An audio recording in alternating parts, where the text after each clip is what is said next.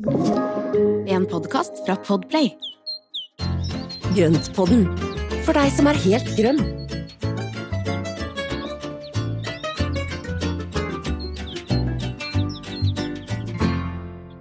Hei og velkommen til Grønnpodden alle sammen, og også til deg så klart, Espen. Du, uten deg så hadde det ikke vært noe Grønnpod. I like måte, Marianne. Det er, det er veldig Vi må være to. Jeg ble nesten Beklager at jeg avbryter allerede, men herregud, jeg fikk sånn Kjente på den vonde følelsen å skulle sitte og lage grøntpodden aleine. Det hadde jo vært mye spennende tips, tenker jeg. Ja, det hadde vært gøy. Da, Ja, jeg hadde vært ivrig her, lytter. Ja, i like måte. Da hadde du ledd godt, tenker jeg. Ikke sant? Ja. Nei da, men dette her går Det ville gått bra, for at du begynner å bli en racer på veldig mye innenfor det grønne du også, så ja. Det hadde vært et ganske det- sånn begrensa temaområde. Jeg tenker liksom Ja. sånn mm, ja, men Tusen takk for komplimentet, men du vet at det ikke er sant. Så nå skal vi ikke si noe mer om det. Men hvordan har du det da, Espen? For nå vet jeg at du har romstert ute i hagen. Ja, men det har jeg, og det er jo vært i full panikk. For at det, eh, jeg har Det har vært litt travelt siste tida, på, på mange fronter egentlig. Og så har eh, det plutselig, eh, helt overraskende, jeg som da ville ha sommer fram til desember, så har jo ikke det helt funka etter planen. Så denne uka ble det jo da litt grann nattefrost, og Mm. eh, da fikk jeg veldig bråhast med å få inn planter. Så det har vært et par dager med mye sjauing og bæring og lempe inn og ut av den der vinterhagen. Og så, ja. Så nå begynner alle, de aller fleste barna å være sikret for vinteren. Har det gått bra, da?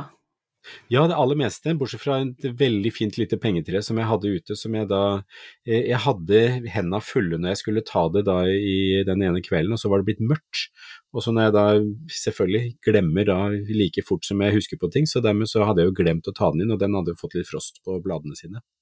Så den, eh, den kommer nok til å bli litt stygg utover vinteren, Mm. men fordi det var bare lett frost i de ytterste bladene, så kommer det til å gå veldig bra, for da vil all ny vekst neste år så vil da være i orden. sånn at det, den vil jo se litt sånn pjusk ut gjennom vinteren, men hvis den nå får lov å stå kjølig, tørke ut godt og, og ha litt sånn trygg vinterdvale, så, så vil det reparere seg sjøl til neste år. Så det går bra. Mm, altså bra. Så det er liv laga Så det er jo litt, ja, så dette her er jo litt av det vi skal snakke om i dag, egentlig. Sånn at vi har Absolutt. rett og slett hvordan får vi tatt vare på disse her? Har du Mhm. tatt inn mye hos deg, eller har du Eh, Det er mildere der. Det er mildere, men du, jeg har gjort det allerede. Altså, jeg savna dem innendørs, fordi at jeg var så mye, jeg var så mye mer inne sjøl, så det har vært lenge inne, de. Ikke sant? Så du vet, jeg er ikke, jeg er ikke Ja. proff som deg på det, så de har jeg allerede fått rydda inn, da, kan du si. Så Mm, ja. nå, men jeg har, jeg har til og med rukket å, pus- å tørke støv av noen blader, så jeg syns at jeg nå er litt sånn i Jeg var veldig stolt over å bare ha gjort det, så det sier kanskje litt om hvor lenge de har stått inne, da. Ja, men, men, det høres, men da er de i hvert fall trygt, trygt forvart inne. Det er ikke noe pengetre som har mista noen blader her, altså. Det, nei. Nei. Men vi har jo ikke frost ennå heller, da. Så vi får Nei, se. Men nå, vi, Ja. nå skal ikke jeg si noe mer om, om bladbørsting, holdt jeg på å si. Nå skal vi snakke om dagens tema, og det, jeg, det her gleder jeg meg til. For det her er sånn som jeg alltid lurer på. Jeg tror jeg har gjort så Mm. mange feil når det gjelder overvintring, og jeg er sikkert ikke aleine om det. Og jeg har, altså, jeg har så mange spørsmål, men vi har prøvd å liksom begrense det litt til de viktigste og samle det litt. Men altså, jeg, jeg bare Ja, hva er det vi liksom Hva er det vi holder på med når vi vinterlagrer? Men først av alt så tenkte jeg vi skulle snakke bare sånn for å nevne hvilke planter det er vi liksom eh, omfatter i dag, så at eh, folk Mm. forst- kan Det er liksom lettere å knagge kunnskapen på ting hvis du vet at ja, men jeg har jo et oliventre. Så det Mm. bør jeg, nå bør jeg høre etter. Så kan Ja, du bare sant. si hva slags planter det er vi overvintrer? Jo, og det er jo Altså, hos meg så er det jo rått og røti. Det er jo så mye forskjellig. Men, men, men de aller fleste har jo det man kaller for middelhavsplanter, som er da sitrustrær, oliven, fiken og de der mer vanlige, vanlige plantene. Mm. Eh, og så har man jo da alle fuksiaene, altså fuksia og pelargoner, som er de sånne gamle klassikerne. Vi har jo også sånn som agapantus eller eh, Ja, Afrikas lilje. Ja, Mm. og de er, jo, de er jo kjempefine, og de må jo også ha en overvintring. Mm. Og så er jo, sånn som jeg har jo da hivd ut alle sukkulenter, altså pengetrær som vi nevnte innledningsvis, også kaktusene. Alt dette her som da egentlig gjerne liker en kjølig vinterperiode. Mm.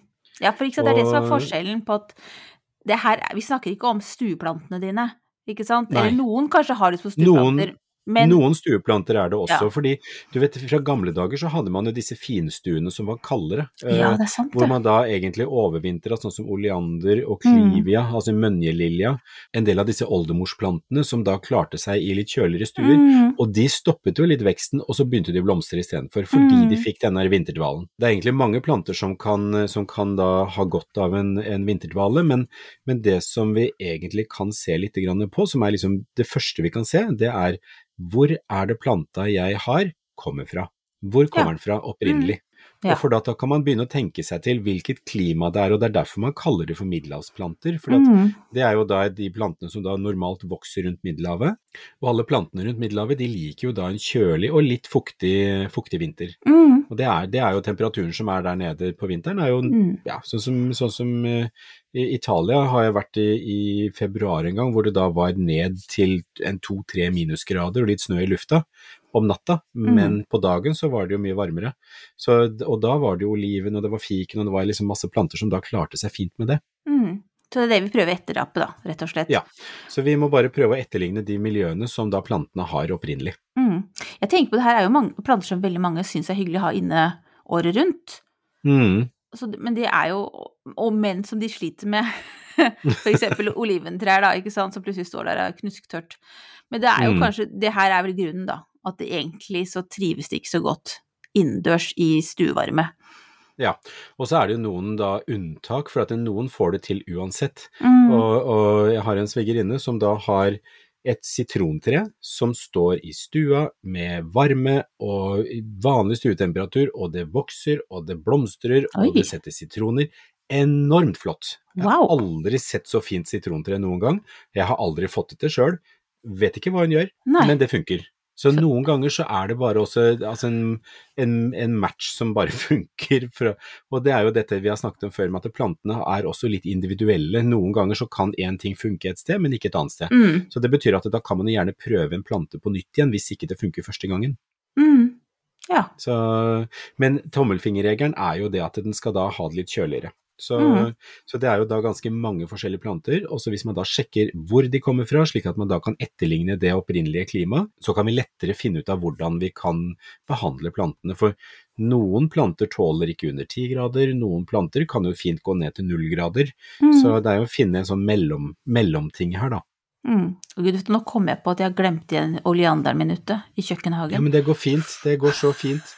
Ikke noe stress. Den tåler ned til, ned til et par grader uten problem. Ok, ja, jeg skal gjøre det i Mm. morgen.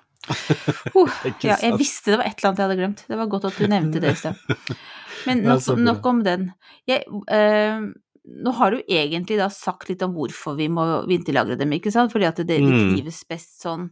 Men er det noe spesielt som gjør at ikke de Altså er det hvis det her er interessant å snakke om da, bare sånn kort, hva er det med disse plantene som gjør at de ikke takler frost og kulde? Er det liksom kan Ja, ja, er så flink til er... å snakke sånn om klorofyll og, og alt, alt sånne, sånne tekniske ting, så jeg tenker kanskje du kan si noe fint om det her òg. jo, men det er jo det at de, de plantene som da ikke tåler frost, altså frosten, det er jo egentlig at vannet i plantene fryser. Og når vannet i plantene fryser, så blir det iskrystaller, og de punkterer og ødelegger celleveggene. Oh. Ja. Så når du da har en plante som har vært utsatt for frost, så vil jo den bli veldig slapp, eller selvfølgelig, når det er planter som ikke tåler frost, da, hvis den har blitt utsatt for frost, så vil bladene bli, de står helt fint så lenge frosten er der, Mm. men når frosten da blir borte og det blir plussgrader igjen, så bare klapper de helt sammen. ja. Sånn som georginene, de blir jo helt svarte. Og det er rett og slett fordi at celleveggene er ødelagt, for at da har iskrystallene, de har jo punktert celleveggene, og så er jo alt sammen ødelagt inni der. Ja. Uffa meg. Og, og det er jo da i motsetning til de plantene som har en overvintring her i Norge. Mm. De, enten så visner jo da alle plantedelene ned, sånn som stauder, så Mm. da visner jo de ned når de får frost, for at plantedelene der tåler ikke frosten. Men knoppene og røttene, de tåler frosten mye bedre, og så ligger de klare og venter på neste år. Mm. Og det er jo derfor også hvis da en del sånne vårblomster skyter fint på våren, og så kommer det en frostnatt, så er det en del som blir ødelagt av altså skudd på trærne og alt mulig rart kan bli ødelagt av det, fordi de nye skuddene og de nye celleveggene, de tåler ikke den frosten. Så det, det henger rett og slett sammen med at Mm. de, de, det, er på cellenivå at det blir ødelagt. Ja. Så, men igjen så er det jo også da dette med disse middelhavsplantene som da er vant med og trenger denne kjølige perioden. Hvis de blir tatt inn i en norsk varm stue med altfor tørr luft, Mm. så, så er det et kjempeproblem. For at da blir det for lite lys, det blir for varmt, det blir for tørt, og da blir de ofte brune, mister bladene og ja. Så det Ja. funker ofte dårlig. Er det den balansen mellom lys og temperatur igjen, som vi har snakket om Mm. før? Mm, akkurat. Og det gjelder alltid. Altså balanse mellom lys og temperatur, og hvis du har en lav temperatur, så krever du mindre lys. Mm. Og Ja. det gjør jo at det er sånn som jeg overvintrer jo da det aller meste av mine planter på mellom fem og ti grader, og da holder det med det dagslyset som er gjennom vinteren, så slipper jeg tilleggslys. ja. Du gjør det enklere for deg selv, og det fungerer. Du har en balansen du trenger der. Ja. Så, så det er egentlig da balanse mellom lys og temperatur. Så Mm. hvis vi har det inne, så vi kan jo overvintre en del planter inne også, men da må vi bare ha mer lys. Så da må Mm. vi ha tilleggslys og kjøpe plantelys og henge opp over plantene. Mm. Og egentlig kanskje vi da stresser man planten litt da, hvis de egentlig er lagd sånn at de vil ha litt dvale på vinteren. Egent, egentlig så gjør vi det, for at Ja. de, de vil jo da få en, en fremtvunget vekst, Mm. og, mm. og noen ganger også blomstring som, som egentlig ikke skal skje på vinteren. Normalt skal de stå og vente, og så skal de stå egentlig og samle krefter til en, da, en Mm. vekstperiode og en blomstring da neste år. Mm. Så, så det er jo litt av det også som da skjer under vinterdvalen. Det er igjen det der valget mellom om vi skal liksom Er plantene til for oss, eller er det vi som på en måte er litt mer ydmyke på å være heldige som har dem i livet vårt, da. Ikke, du Ja. forstår forskjellen? At liksom, enten, så pusher, enten så liksom pusher vi på at de skal stå der, jeg skal ha det oliventreet, jeg kaster det ut hvis det ikke går, og så kjøper jeg et nytt et, ikke sant? Mm. Som, eller om man da liksom ja, er litt med på den ferden til den planta. At du Mm. er litt mer nysgjerrig på Spille på lag med naturen, Mm. rett og slett. Og det, det, og det er jo det som vi må prøve å gjøre. Altså For å lykkes best mulig, så er det det å spille på lag med naturen. Og hvis vi Mm. gjør det, så vil vi kunne ha planter i mange, mange, mange år. Mm. Jeg har jo planter som er 50 år gamle her, og det, er jo det er jo noe med at det, når du da klarer å holde liv i de så lenge, og så får du, du Du merker også hva de liker, du kjenner igjen plantens signaler, rett og slett. Mm. Og det er jo utrolig gøy. Og det er jo noe helt annet enn å ha det som en, altså en innredningsaccessoar, da. Ja, Ikke sant? Ikke sant? Ja. Det, er noe med Så det du òg. får, en, du får en personlig forhold til de, og, Mm. det, og, og at de har en historie. Ja. Og jeg tror vi er mye mer klar for det nå. Jeg tror noe, det er grunnen til at, at dere som hører på oss, hører på oss, Og det er jo at dere også er liksom liker den delen av det, da. Den følelsen av også å, å, å jobbe med noe som er levende, og liksom bli kjent med det, og, og ja, være litt i kontakt med naturen også gjennom det. Mm. Ja, nå er jeg veldig filosofisk.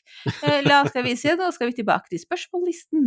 Ja, Skal vi gå veldig praktisk til verks, da? ja, vi gjør det nå, prøve å tjore oss inn på og så følge den der lista her sånn. For jeg hadde jo et spørsmål om når vi må begynne med vinterlagring. Er ikke det en grei, eh, grei Det er veldig praktisk og konkret. Ja, Det er jo da rett før frosten kommer, sånn som jeg pleier å gjøre, eller aller helst et par dager før, sånn som, så jeg slipper det der stresset som jeg har opplevd nå de siste dagene. Men, men jeg syns det er veldig greit at plantene får lov å beholde da optimale, gode vekstvilkår ute så lenge som mulig. Mm, Og det gjør at da får de den mest mulig naturlige syklusen med at da høsten kommer, og at tingene roer seg ned og begynner å gå i dvale. Og når jeg da tar de inn, så vil de egentlig være klar og innstilt på at nå skal vi ha ro. Ja. Så, så det er jo da litt avhengig av, av hvordan høsten er, farer frem, holdt jeg på å si. Det er jo å bare sjekke langtidsvarselet på der du bor, og så sjekke at det ikke det går noe særlig under fem grader. Mm. Og gjør det det, så begynne å forberede og ta det inn. ja. Er det noe sånn da at, eh, som du sier, sjekke langtidsvarselet, men er, er det noen av dem som tåler en frostnatt, eller skal de inn før Mm. i det hele tatt blir frost? Nei, noen tåler det. Altså, sånn som oliven tåler fint en frostnatt eller to. Har du vindmøllepalmen, så tåler den mange frostnetter. Den Mm. kan jo til dels også stå ute i en del deler av vinteren. Eh, men sånn som jeg har jo altså en del agapantus, og som jeg tenker at det, der skal jo bladene egentlig bare visne ned, og så kommer det nye blader til neste år. Så om de Mm. får en frostnatt, sånn lett frost, så er ikke det så farlig. For at det, det er jo gjerne bladvekst som kommer ut igjen til neste år. Ja. Og en sånn lett frostnatt, det tar ikke knekken på røttene, det tar knekken på bare de øverste bladene. Mm. Okay. Så, så, det, så det er ikke så farlig. Nei, så tenker jeg litt på hva, hvordan planta di fungerer. Om det er noe Mm. som skal komme med nye blader om, om våren, eller om den eh, har bladene sine hele tiden, da, som et pengetre. Mm. Mm. Ja. Ok, og så veldig praktisk, hvordan lagrer vi? Altså, jeg ser sånn for meg at du, du kveiler det inn i jutestoff, og det er liksom Eller hva er det du gjør, da? Jeg, jeg, er veldig heldig og har et rom som, er, eh, som jeg bare styrer temperatur og luftfuktighet. Mm. Eh, og, og der stabler jeg bare tett, jeg. Så det, jeg stabler de tett inn, og, og sånn at de står med litt grann luft mellom hver, hver plante. Eh, eller sånn at ikke de står helt sammenklemt, for at det er jo noe med at det- det skal være en sirkulasjon av luft Mm. rundt bladene som er igjen. Eh, og det er jo sånn som altså kameliaplantene, de står jo nå med knopper som skal da ha en jevn luftfuktighet gjennom vinteren for å blomstre, men de er avhengig av også en kjølig periode for å blomstre. Så de klipper jeg ikke tilbake, men sånn som fuksia og pelargoner og en del av de andre plantene, de klipper jeg jo ganske hardt tilbake for at jeg skal ha mindre bladmasse.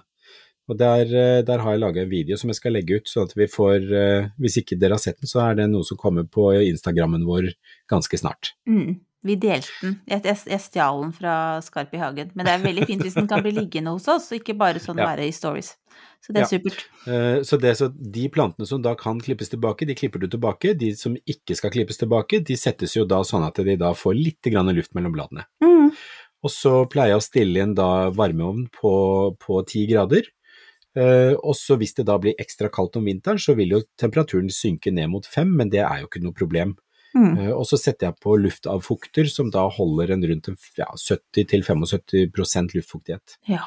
Og på den måten så holder, jeg, så holder jeg alt sammen i sjakk, sånn at det ikke blir mugg og råte. Så alle visne blomster, alle visne sånne fruktdeler fra fuksia eksempel, det mugner veldig lett. Så bare Mm. husk å fjerne, altså fjern alt som er eh, av dødt, dødt plantemateriale. Altså, nå skal jeg bare skrive opp luftfukter, for jeg var allerede Altså, det var der jeg sånn kjente at nå Der falt jeg av. For, men det er jo så klart viktig. Er det vanskelig Luft. å få tak i? Luft, Luft avfukter. Avfukter. ja, motsatt er egentlig det jeg skrev nå. Avfukter, ja. Yes. For å holde det litt sånn ikke Ja, for, at hvis du, klima. ja, for Mm. sånn som hos meg, som jeg stapper inn så mye planter i et lite rom, så, så, så blir det jo en luftfuktighet på 100 eh, før jeg vet ordet av det. Mm, mm. Og da, da trenger man noen gjeller for å gå inn der. Ja. Så, så det er jo egentlig rett og slett for at ikke det skal bli mugg og, og Ja. soppdannelse. Mm. Så, så det er bare for å holde det tørt og fint, og sånn. Og da må man jo bare sørge for å holde et lite øye med jorda på plantene, slik at du da vanner en gang iblant. Så hyppig småvanning for å bare holde lett fuktighet på enkelte planter. Sukkulenter, kaktuser og sånne ting skal ikke ha en dråpe vann. De Nei. skal være helt knusktørre. Setter du det liksom i grupper? Så det er lettere for deg også å huske hva de ulike skal øh, Mm. Hvordan behandling de skal ha? Ja, så kaktusene står i et hjørne, der er, der er liksom de plantene som ikke skal ha en dråpe vann, de står mm. borti det ene hjørnet, og så står jo da kameliaene står på et annet side, og så står jo da oliven, ja, det, står egentlig litt for forskjellige steder, sånn at det er lett å, lett å holde styr på. Jeg skal ikke be om vannehjelp eller noen til å passe på, for at det er ingen, ingen andre som tør å gå inn der, tror jeg. Men hvis man ikke har et eget rom, da? Hva skal man Mm. gjøre da? Altså, jeg har, jo, jeg har jo ikke alltid hatt vinterhage, så jeg har jo bodd i leilighet og brukt da soverom. Så jeg har jo Mhm. stabla soverommet tett fullt, så jeg måtte klyve over planter for å komme, komme til senga noen ganger. Eh, og jeg har også brukt trappeomgang, altså kjølig trappeoppgang, Mm. hvis man har det. Eller så kan man jo kanskje leie en plass, altså låne plass hos noen, hvis det er noen som har eh, ja, et gartneri i nærheten, eller noen Ja. som da kjenner noen som kjenner noen. Mhm. Eh, Men det enkleste er nok å ha et soverom som er kjølig, eller en kjellerbod som man da kan installere litt plantelys, Mm. som man da kan bare slå av varmen på. Så, Mm. så tenker jeg at da er det en mulighet, altså. Ja. Men akkurat det der med å leie plass, det, tenk, det syns jeg er et godt tips, for det er noe man ikke tenker på som en mulighet. Jeg vet jo at han eh, en jeg følger på Instagram, han Svante Økvist i, i Sverige, Mm. han er jo De har jo nå ja, nå har de jo et, fått seg et drivhus, men før så vet jeg i hvert fall at de leide hos et ordentlig gartneri.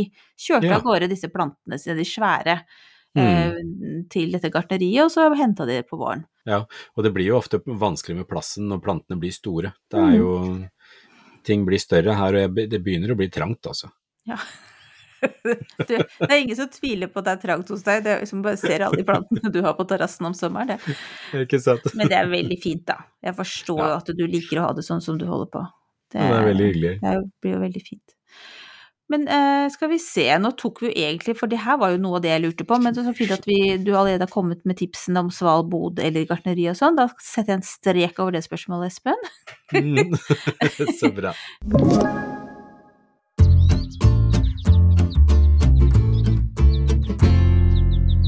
Vi se, Espen. Nå, var jeg, nå prøvde jeg, og jeg var kanskje litt sånn uh, hard og brutal der før uh, Bryskt, bryskt videre. bryskt, det på at jeg så på, så på klokka og tenkte at herregud, da må vi bare komme oss videre. For det jeg også lurer på, da, er hva som Mm. skjer med plantene mens de er i vintermodus. Massevis. Massevis! Nei, det, skjer, nei, det skjer, nei, det skjer jo en god del. Det, som da, det viktigste som skjer, er at de stopper veksten. Og det er jo da med en kjølig periode og en vinterdvale, det gjør at de stopper veksten, og da slipper vi å gjøre masse jobb med vanning, lys og holde på. Mm. Men i tillegg, når veksten stopper, så begynner de å anlegge blomsterknopper, de, de planlegger for neste år. Eh, og de jobber jo egentlig da med liksom De legger planer akkurat som oss. Hvor store skal vi bli? Hvordan skal vi vokse? De, de gjør masse sånne ting. Har de Eh, strategimøte? Ja. De har strategimøte til seg selv og sånne ting. Så de legger jo da, da, da sender de krefter til alle knoppene som ligger klare og venter på en ny sesong. Ah. Og så når våren kommer, da skyter den løs. Og da Det er er det både blomstring og det er vekst og det ene med Mm. det andre. Og veldig mye av det er jo planlagt gjennom vinteren når de sitter eh, og har, har, har strategimøte. Ja. eh, Så i en kjø- kjølig periode. Ja. Og, og sammen med kaktuser, eksempel. Jeg er jo, som du vet, veldig glad i kaktusene også. Og der er det jo også at der dannes jo disse blomsteranleggene nede i, i vekstsonene eller i areolene. Og så setter de i gang, da. Utover Mm. sommeren. Og det som også skjer med f.eks. kaktusen, som da blir veldig synlig, er at de er jo ofte sånn litt sånn lubne i veksten, altså de vokser litt rundt. Hvis du da ser på en kaktus som vokser inne i stua gjennom hele året, altså Mm. også gjennom vinteren, så blir de ofte litt lange, og de får Ja. liksom smale spisser og Mm. tjo og hei. Altså de ser jo ikke ut i måneskinn, og det er jo lysmangel. Ja. Rett og slett lysmangel, Ja. fordi at de får ikke den der hvileperioden Mm. uh, hvor det da er kjølig, for da stopper veksten opp. Og når det da er lite lys, og det er kjølig istedenfor, så, så vokser det ikke. Og dermed så får du den fine, kompakte veksten. Mm. Så enkelt er det. Ja. Så det er veldig mye fordeler med å, se, å, å la plantene få en vinter, uh, vinterdvale. Så føler jeg at vi har vært litt inne i sånn plantenes hemmelige verden, jeg.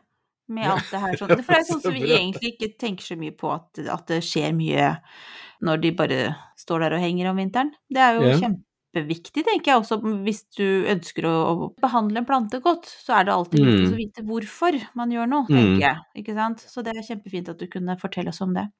Men skal vi se til dem underveis, eller klarer de seg Det- selv? Nå sa jo du litt om vanning, da, men er det Ja, sånn altså et lite øye, på dem, det er lurt. Altså det å sjekke Mm. at det ikke det oppstår noe råte eller sopp eller mugg eller sånne ting, det er kjempeviktig. Fjerne visne blader underveis. Eh, og gjerne gå så altså, Det er jo veldig hyggelig da, å så gå og pusle med det og se at det er i orden og at Mm. tingene funker som det skal. Så også da bare la de få en liten skvett med vann. Eh, litt avhengig av plantetype. altså Kameliaen tåler jo ikke tørke ut, så den skal jo ha jevnt fuktig hele tiden. Mens kaktusen skal jo ikke ha en dråpe vann gjennom vinteren. Så bare vær litt sånn obs på hvor mye vann de ulike plantene skal ha. Ja, og det, får man, det kan man det lese det- på nettet òg, ikke sant. Altså, man Ja, kan ja, ja. finne den informasjonen. Mm. Ja. Mm. Men hva skjer hvis vi glemmer å vinterlagre, da? Altså, jeg forstår jo egentlig det nå, da. Da fryser de i hjel. Hvis vi glemmer, som de, ute, i- glemmer de ute i hagen. Jeg hadde en engletrompet her i fjor som jeg, bare, som jeg, som jeg glemte ute i hagen. Men det er, det er bare at jeg hadde ikke plass til å ha den inn, så tenkte jeg nei, nei, nei oi, den klarte ikke vinteren.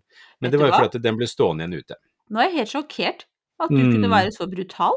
Ja, men jeg glemte, jeg glemte den. Men jeg ser at du har litt dårlig samvittighet. Jeg ser at du lager sånne fingertegn her, så jeg vet at det Nei, da, nei, det er, det er noe med det. det sånn. Noen ganger Ja. så må man bare ta noen brutale avgjørelser som ellers i livet.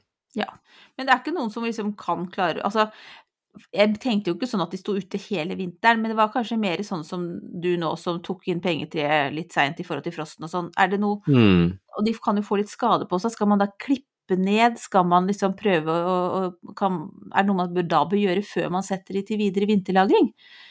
Det er veldig lurt å se litt an hva som har skjedd, for at det sånn som dette pengetreet, det vil antageligvis få noen stygge sår og skader, men jeg vil ikke klippe det tilbake igjen før til våren. For at Mm. da lar jeg bladene få lov å reparere seg selv, og så får de bare bli litt stygge underveis. Ja. Og så tar jeg det til våren, og da stusser jeg litt grann av toppene, sånn at den da får skyte nytt nedenfra istedenfor. Så, så det er bare ta de inn, og så, og så bare rett og slett stelle litt pent med de, og så se det an. For jeg Mm. tror, eh, jeg tror ikke det er Man skal ikke gjøre så altfor mye med de hvis ikke, det er, hvis ikke det er nødvendig. Men hvis det er helt ødelagt, selvfølgelig, så, så rydder man og renser man og Mm. fjerner. Så det ikke blir mugg og sånn. Ja. Mm. Ja.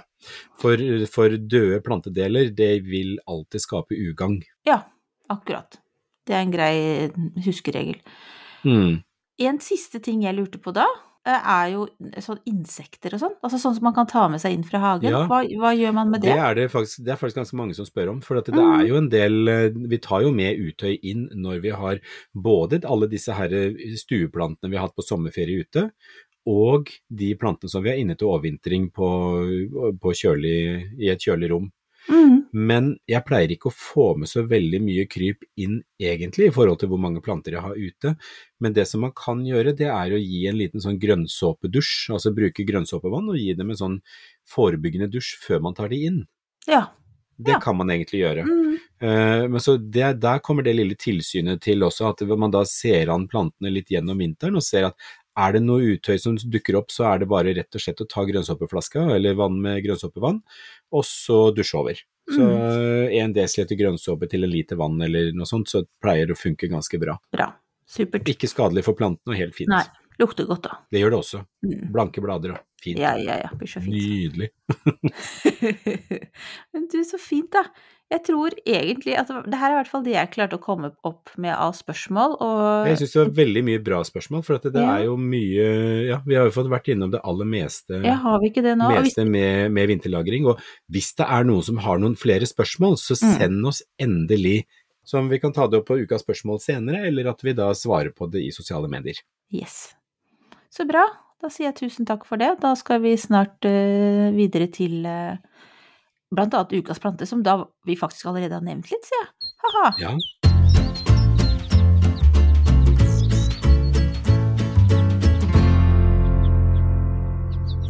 Ja, jo fordi at ukas plante, jeg bare sier det med en gang, jeg, Espen, at det er en oleander. Som vi skal, eller Ja. ikke én oleander, men altså oleanderne i våre Ja. liv. ja. Ja, få høre. Den, altså, den Og- har jeg som sagt i hagen, men jeg har arva den, og jeg, den er litt sånn fremmed fugl for meg. Er du ikke glad i den? Jo, men den er liksom Jeg har aldri hatt en oleander før, jeg. Så jeg Å ja, syns liksom sånn, fortsatt den er litt sånn eksotisk. Ja, Nei, men Og de nå er står den ute og fryser, men det er jo Ja, synd. men da, da kan du ta den inn. Ja. Da kan du ta den inn. Og det er, eh, det er jo altså en fantastisk plante. De kan bli Mhm. store, store trær. Oi. Eh, jeg var på Sicilia en gang hvor jeg så da trær, altså det var jo tjukke stammer, oleandertrær. Eh, og den brukes jo veldig mye i, som midtrabatt nedi mellom veiene nedover i Spania og Mhm. Italia egentlig, for det, det er jo en plante som tåler mye. Den tåler tørke, den tåler eksos og tåler egentlig alt mulig rart. Så den er veldig- Ja, tåler mye dritt. Veldig robust, fin Ja. plante. Men det finnes jo en del forskjellige varianter av den, for at du har jo da oleanderen, altså nerium som den da blir kalt på, altså nerium oleander er jo det latinske navnet, eh, og i gamle dager så kalte man jo disse for nerium Mm. eh, også, så den ble jo liksom brukt om hverandre. Men den er jo en av de gamle gode som, som var fra, fra bestemors vinduer egentlig, hvor da de sto inne og gjerne i kjølige stuer, Ja. hvor de da fikk en kjølig overvintring, og når de da får den kjølige overvintringen, så dannes nye knopper. Mm. Da vil knoppdannelsen gjennom den kjølige perioden gjøre at de blomstrer da neste sommer. Mm. Og hver gang de setter en knopp, så deler Du kan si at det er jo tre blader som står rundt stilken, og hver gang du får en knopp, så kommer det tre nye skudd ut. Mm. Og på den måten så forgrener den seg til å Ja. bli en ganske stor busk i løpet av, i løpet av et par-tre sesonger. Mm. Så den tåler også godt beskjæring. Jeg tok en, en massakre av den i fjor mens mamma så på. Og Hun var ikke sikker på at den skulle overleve dette her, og det, jeg, jeg sto med klump i halsen, altså, for jeg var litt usikker sjøl også, for utover vinteren så begynte den å visne litt tilbake og sånne ting. Men på, når våren kom, så skøyt den i vei fra flere steder, og det har blitt stor, fin busk. Nå er den like høy som meg i år igjen. Oi sann, gud. Så den, er, den har vokst masse. Mm. Så de tåler fint beskjæring. Bør den byttes, altså, for nå tenkte jeg at min ikke har blitt så veldig stor, Altså, da mm, Du vet, jeg bare tenker på meg sjøl hele tiden og mine planter. Er Veldig bra. egoistisk her. Men altså, bør den pottes om? Eller er det liksom som kan jo- som liker det trangt og fælt? Nei, egentlig ikke. Den, den vil gjerne pottes om en gang iblant, men det er ikke noe du behøver å gjøre hvert år. For at du kan egentlig bare gi en liten toppdressing, skrape av det øverste laget med jord, legge på ny næringsrik jord på toppen. Skal jeg gjøre det nå, eller er det For den her skal jo også Det gjør ja, og det gjør du til våren. Ja. Så den nå så skal den egentlig settes, for at den beholder jo bladene på, så det er lurt å ha lyst og kjølig for oleanderen. Mm. Og så er det også veldig gøy, for at det finnes jo da med de små, enkle blomstene i hvitt og rosa og, og litt forskjellig, og en over i ganske sånn sterk karmosin, Mm. karmosinrød, Yes. som er kjempefin. Eh, Men så har du også den som er de litt større, fylte blomstene, som er sånn pudderrosa, og som lukter helt fantastisk. Den har jeg. Ja, den har ikke jeg. Jeg har karmosinrøde små. Ja. Og den, eh, med den, der, den fylte pudderrosa som jeg har, den er, den er, den er kjempefin, altså. Den Går det an å få en stikling, eller? Definitivt, det kan jeg ordne. Mm. Den hørtes jo helt nydelig ut. Ja, den er kjempefin. Og den, eh, og den blomstrer jo jevnt og trutt hele sommeren, og så setter den da nye knopper gjennom, og så blomstrer den da gjerne på flere nivåer. Mm.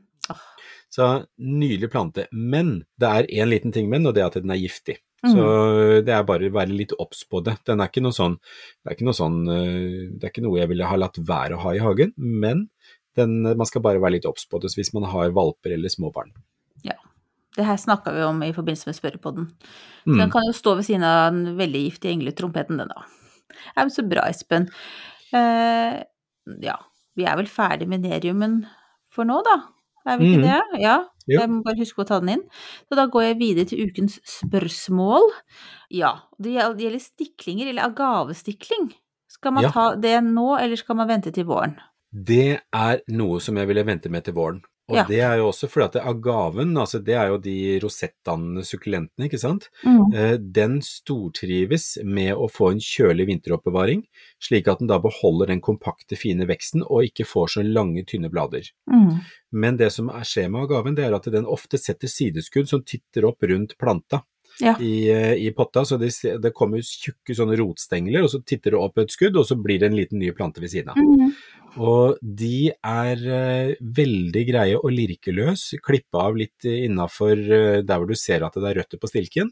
Klipper du den av, og så bare planter du den i din egen potte. Men det Mhm. er noe som jeg ville gjort til våren, fordi nå vil en ny stikling egentlig få litt sånn rar vekst. For Ja. at det er ikke nok lys, og da må du ha tilleggslys, og du må ha mye mer jobb for å få dette til å funke. Så Mm. det beste er å sette hele planta kjølig, og så ta de stiklingene til våren, og så la de få rote seg sånn typ i februar. Eh, For at da er de rota og klar når vårsola kommer i mars-april. Men du, kan jeg ha et par oppfølgingsspørsmål som egentlig ikke har noe med spørsmål å gjøre, men med, med gaver? For du Ja. vet jo at Husker du at jeg sendte deg det bildet, for jeg var litt usikker på Ja, hva det. det var en gave. Fordi at Altså, mine står jo inne, da. Ja. de, og jeg tenkte at jeg må jo begynne å behandle dem som jeg skal, men er det litt dumt å bare sette dem ut i, i stallen, eller der jeg har mine vinterlagrede planter? Skal de, får de sjokk nå? Skal jeg heller gjøre, Nei de da, være inne nei i da. vinter? Nei, Nei, kan nei, gjøre det? Ja, så. Det kan du gjøre. Sett dem ut. Det er, eh, det er altså mellom fem og ti grader og lyst. Det Så er eh, helt takler overgangen fra Ja, ja, ja. sånn 20 grader De, til ja. de er robuste. ja. ja, men så bra. Men da, da skal de få kom, Da skal de ut av stua. Da må jeg kjøpe noen andre, andre inneplanter, da. Hmm, herlig. Ja, det her ble jo veldig fint. Ok, Espen. Hva gjør du nå? Altså, nå har du vel fått inn alle de eh, frostfrie plantene dine, holdt jeg på å si. Eh, Ja, så å si. Det er noen som eh, står igjen som, som står litt, litt i le for, eh, for den der lette frosten som er nå. Så mm, det blir jo den uka som kommer nå, så blir det rett og slett å stable rundt og prøve å få dette her lille puslespillet mitt til å gå i hop, sånn at det går an å gå inn og, og komme til å vanne og stelle de plantene gjennom vinteren. mm, Så det blir jo rett og slett å få den der vinterhagen til å, å fungere ganske Eller få stabla rundt, rett og slett. Så det Mm. er jo det er lite puslespill, men det er litt hyggelig òg, da. Mm. For da kan man se, se over plantene. Og det som er gøy, det som er gøy når man da tar inn disse plantene nå, det er jo det at det, du ser at de har vokst, og du ser at de har fått tjukkere stilker, og du ser at det er masse skudd som ligger og venter på neste år. Altså, man blir jo lykkelig av sånt. Mm. Ja, Det er så gøy. Herre min, det er så moro. Så Litt fot i Nei, bakken. skal, ja, det er, så det blir egentlig litt sånn kosejobb nå når liksom grovskjævinga er gjort. Så, så er det bare litt kosejobb. Mm. Men du da, du Ja. må ta inn oleanderen din, og så Ja, har du andre planer. Nei, Nå ble jeg bare veldig opptatt av den oleanderen. Jeg blir oleander og agave, da, inn på, inn på stallen. Og Mm. ja, det er egentlig der jeg tenkte jeg skal ta og hente inn noen hagemøbler og litt sånn også. Jeg tenkte jeg skulle sette opp noen bord, rett og slett, ved et av stallvinduene, slik at de får det lyset de skal ha. Ja, det blir bra. Ja, så det er vel det jeg skal gjøre. Og så skal jeg vel Jeg må jo ned i kjøkkenhagen og rydde litt mer, da. Det er altså Mm. Ja. Ta i noen gresskar og se til eh, rød korn og litt sånn. Se hvordan det Åh, går. det er hyggelig. Det er Mm. hyggelig med grønnsakshage, altså. Det er det. Selv om jeg nå jeg har liksom mista litt oversikten over den. så Det lever sitt eget liv. Det lever litt sitt eget liv. Så jeg tenkte jeg, vi har jo en haug med halm som ligger på et sånt der halmloft der, så jeg tenkte jeg skulle få dratt med litt ned og kanskje dekka til noen bed og eh, ja, aspargesplantene blant annet sånn. Jeg skal gjøre litt sånt, da. Litt eh, rydde rundt omkring. Håper det blir ganske varmt. Eller sånn, Ja. ja, du vet. Ull, ullgenservarmt. Ja, men det er deilig. Mm. Herlig med høst. Det er faktisk herlig med høst når det er liksom sånn fint, fint klart høstvær og ullgensertemperatur. Ja, kjempeherlig. Super-Espen, Takk for masse interessant eh, lærdom. Eh, I like måte. Det, er, det går fort dette her, det raser av sted den derre tida, altså. Du vet. Og vi har vel klart oss å gå utover alle tidsrammer eh, igjen, men det Nok en gang. vi. Ja, ja, ja. Sånn er det. Men du, neste, neste episode. mm. Vi bare nevne det kort før vi sier ha det bra, takk for oss. Ja, men det skal vi gjøre. Mm. Og det blir også det, altså det gleder vi oss til, for at da skal vi jo trekke inn og gjøre litt hyggelige ting inne. Og Mm. det er jo da noe med dyrking av løk og planter som skal da komme fram til jul. Det er Veldig litt sånn hyggelig. fjernt. Det er Ja. litt sånn fjernt å begynne å tenke jul enda, men jeg, og jeg er ikke klar for det enda. Men, eh, men det er noe med at det er noen av de tingene vi kan forberede for at vi skal få da den blomstringen til jul som vi ønsker oss. Ja, så det her er liksom lovlig, lovlig tidlig juleforberedelser, kan vi si. Mm. Ja. Mm. Ah, Men da vil jeg også ha julemarsipan. Å ja, du skal ha det òg, ja, men du vet at nå baller det seg på. Nå blir det den der marsipangrisen og alt mulig sånn. Ja, vi får snakke om det neste, neste Kanskje vi skulle spise det mens vi spiller inn den episoden, da. Det Ja, kan vi jo unne oss. på jul, julemusikk og jingles og alt sammen. Å, gud. Nei, men det, uansett hva, hvordan vi lander det her, så, så skal vi i hvert fall da snakke om dyrking av løker og andre planter til jul neste gang. Ja, Jeg Det skal meg. vi gjøre. I like måte. Skal du si takk for deg, eller? Skal jeg takke for deg? Ja, nei, men jeg skal si takk for meg. Tusen takk for i dag, og takk for at dere hørte på. Ja, tusen takk. Hyggelig å ha dere med. Da snakkes vi om en uke, da. Det gjør vi. Ha det godt. da. Ha det.